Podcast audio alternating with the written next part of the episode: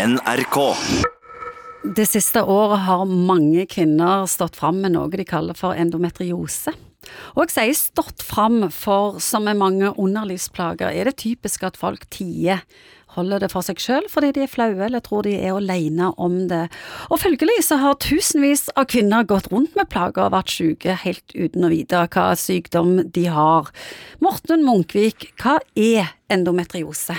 En tilstand der vev som ligner på det som man har i livmoren, er kommet på avveie. Det er ikke i livmoren, det er andre steder. Hvor for eksempel?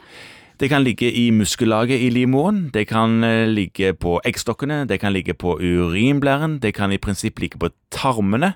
Det kan òg ligge andre plasser, som helt ville plasser, som i lungene. Det kan ligge i huden. Det er jo helt sprøtt hvis det ligger der, men jeg har hørt om det. Aldri sett det, men hørt om det.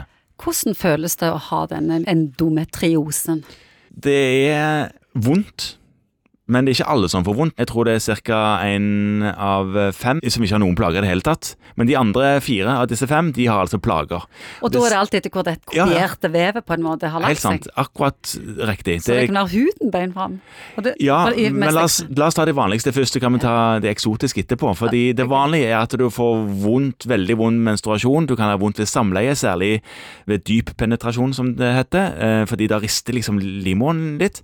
Det kan være vondt når du tisser, hvis endometriosevevet sitter på urinblæren.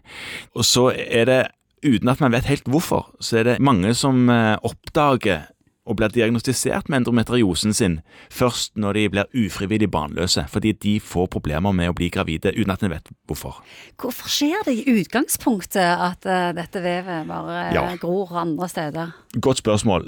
Det er vel et par hypoteser på det. Det ene er at eh, i fosterlivet så er det eh, rester av det som skal bli eh, livmorslimhinne, som havner på avveie. Ja. At det setter seg fast andre steder enn det det skal være. En annen hypotese er at eh, under menstruasjonen så blør man ikke bare ut sånn at det kommer ut menstruasjonsblod ut skjeden, men at det òg blør sånn at det kommer litt blod ut av tubene og ut til eggstokkene.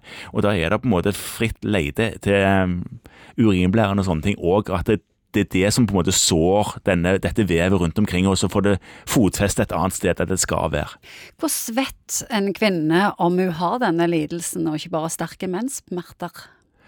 Det er gynekologene som stiller diagnosen med å gå inn og titte rett og slett etter dette vevet, så, og så finner de det på steder det ikke skal være.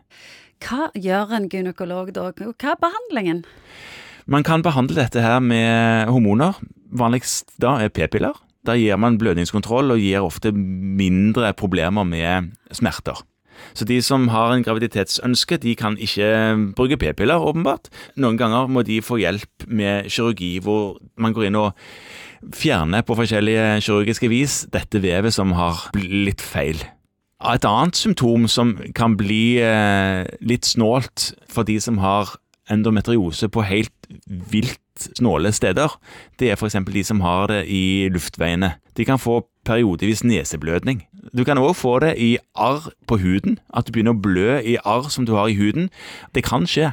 Kroppen er rar. Ja, det er helt sikkert at kroppen er rare, men har du problemer og syns det er vondt med samleie og har noe du lurer på om det kan være endometriose, så tar du kontakt, kan vi sjekke det ut. NRK.